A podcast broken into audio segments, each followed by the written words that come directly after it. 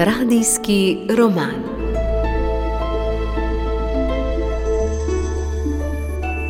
Beremo delo Boska de Ambroža, papež Janez Dobri.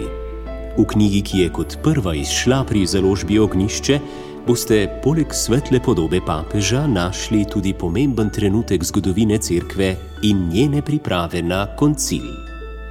Roman bere Mateja Subodičanec.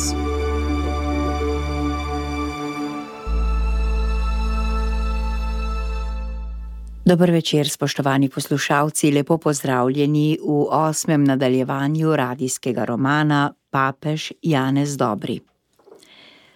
Deveto poglavje ima naslov Sposoben organizator. Ko si je snel našitke z klobuka in z rokavov, se je Don Angelo vrnil v svojo sobo v semenišču. Monsignor Mareli, novi škof, mu je takoj zaupal kočljivo in težko nalogo.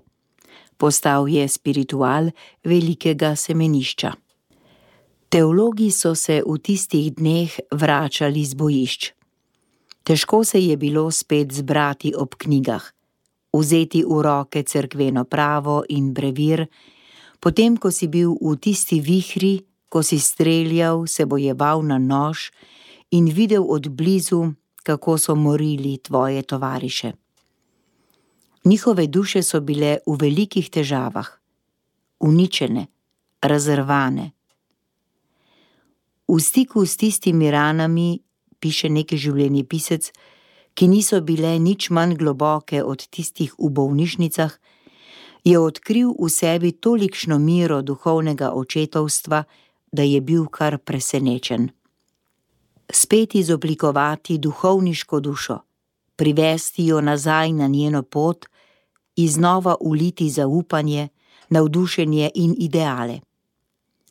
Katero delo bi ga moglo bolj razumeti? Osnova mojega apostolata, piše v dnevniku, bo moje notranje življenje. Mladeniče bom ljubil, kot jih ljubi mati zavest božje previdnosti in njegova rahločutna ljubeznivost sta nekdanje vojake izoblikovali v zrele duhovnike božje. Don Angelo in mladina. Mir je odkril pereče probleme. Ob napredovanju ženske emancipacije se je dekliška katoliška akcija v Bergamu vedno bolj razvijala. Don Angelo je predlagal vedno več ustanov za pomoč ženski mladini in za njeno vzgojo. Organiziral je duhovno vodstvo za uslužbenke, prodajalke, bolničarke, begunke, tramvajske delavke in telefonistke. Tudi fantje so bili zelo potrebni duhovnega vodstva. Množile so se šole vseh stopenj.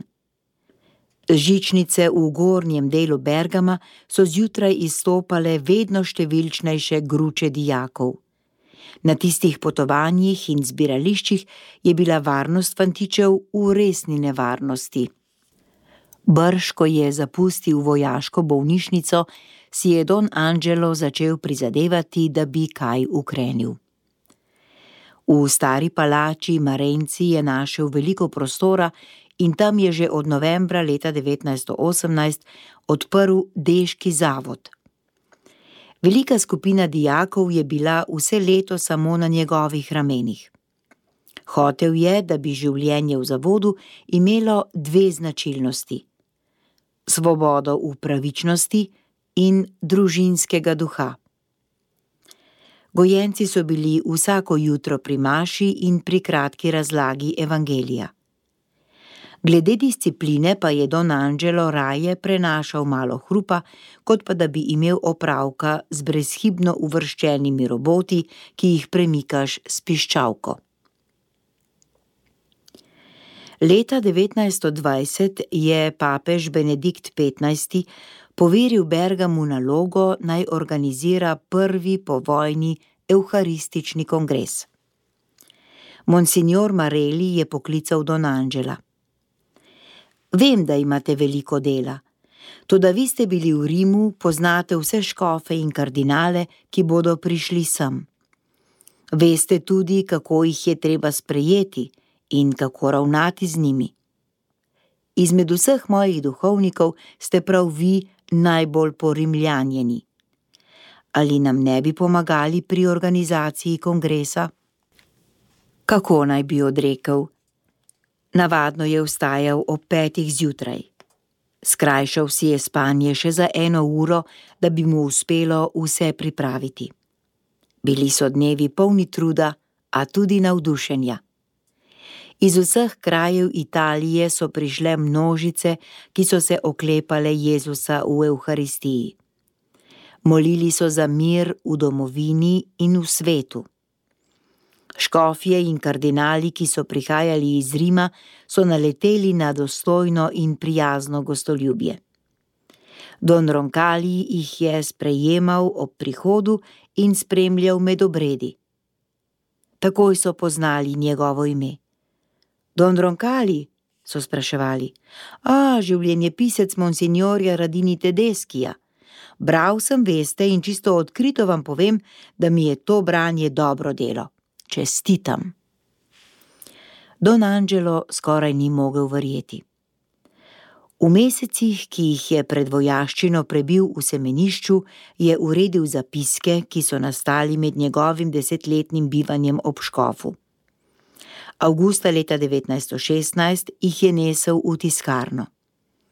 Knjiga ga je skoraj prestrašila. Bilo je okrog 500 strani. Upal je res, da jo je kdo izmed Radinijevih prijateljev prebral, sploh pa si ni predstavljal, na kako ugoden sprejem je naletel v Rimu. Delo je prebral sam papež, pretreslo ga je in ganilo. Ko se je papežev poslanik po tem kongresu vrnil v Rim, je papežu Benediktu XV poročal o svojih dobrih vtisih in mu govoril tudi o Don Roncaliju.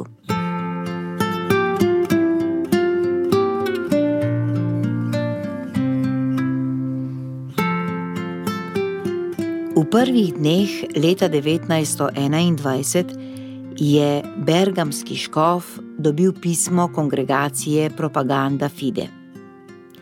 Tako je poklical Don Angela. Novica za vas iz Rima, je rekel in mahal z opečnatimi listinami. Kardinal Van Rosum vas po osebnem papeževem priporočilu kliče, da bi predstavljali Italijo kot predsednik ustanove za širjenje vire. Don Angelo je okamnel. Tega prav zares ni pričakoval. Bilo mu je 40 let.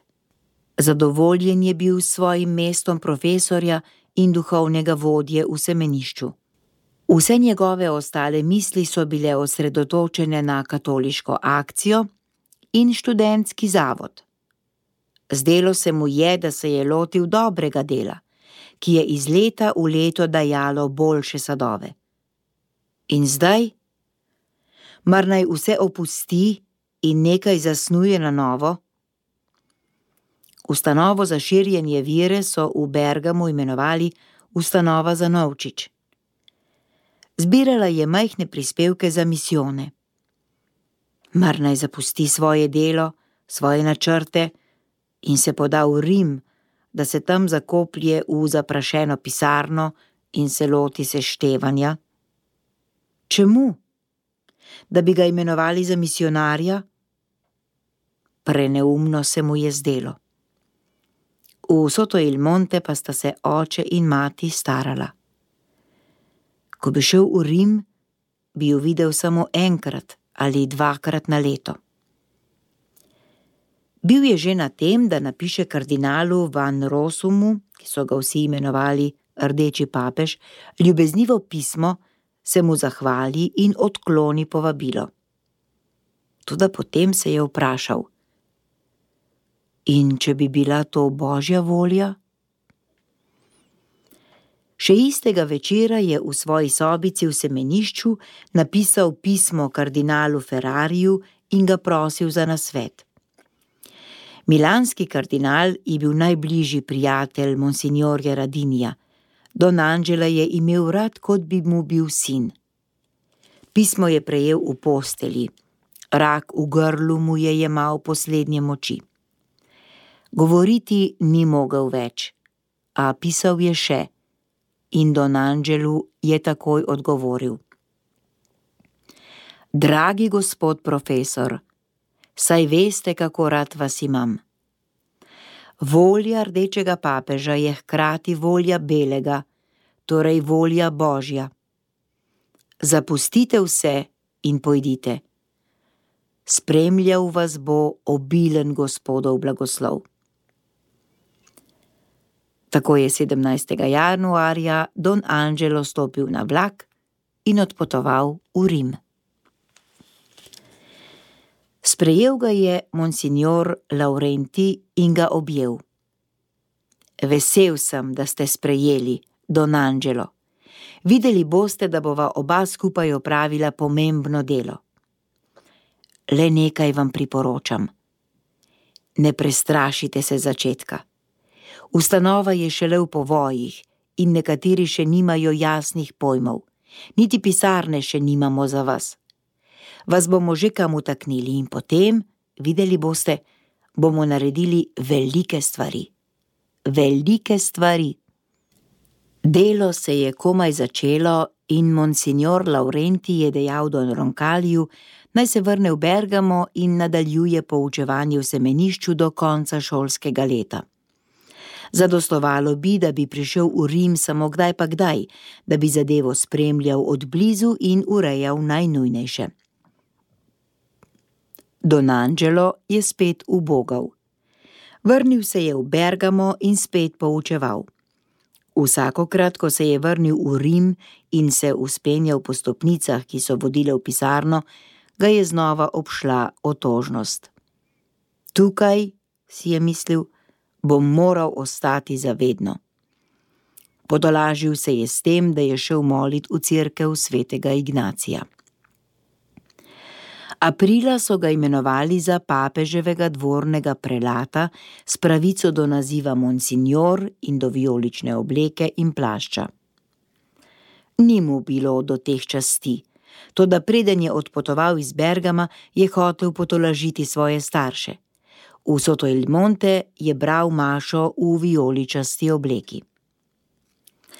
Vaške ženske so spraševale mater Marjano: Kaj pa počenja vaš sin v škofovskem oblačilu? Bog si ga vedi, je odgovorila mati in skomignila z rameni.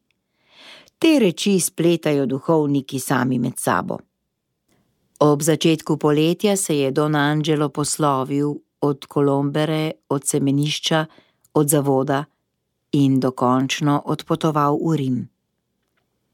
Napisal je: V Bergamu sem z bolestjo zapustil, kar sem ljubil: semenišče in študentski dom. Z vso dušo sem se vrgel v novo delo. Tu moram in hočem ostati, ne da bi mislil ali gledal na kaj drugega, in ne da bi po čem drugem stremel. Ustanova za Novčič. Ustanova za širjenje vere se je rodila v Franciji, v Lyonu. Vse kristjane je prosila, naj dajo Novčič na teden za misijone. Bili so skromni viri, tudi ko so jih zbrali, so nudili sveti stolici velikanska sredstva v pomoč misionarjem in za ustanavljanje misijonov po vseh krajih sveta. Ustanovo so upeljali tudi v Italiji, kjer je posebno cvetela v severnih pokrajinah. Ker je bila razdrobljena na toliko pokrajinskih in škofovskih samostojnih ustanov, je bilo njeno delovanje omejeno moči niso bile usklajene in uspehi so bili manjši kot uloženi trud. Potrebno je bilo ustanoviti enoten državni center, tega pa sveta stolica ni hotela storiti z zapovedjo, ampak tako, da bi prepričala posamezne škofe o koristnosti te pobude. Naloge prepričevanja so zaupali monsignorju Ronkaliju. Romal je od škofije do škofije, se zbližal škofi in škofijskimi voditelji ustanove. Ob tem se je začel javljati njegov posvečeni duh miru, sprave in optimizma, ki ga bo spremljal vse življenje. In v tem duhu, na tem mestu, končujemo današnji del radijskega romana. Hvala, spoštovani poslušalci, ker ste bili z nami, bodite spet čez teden dni. Lahko noč.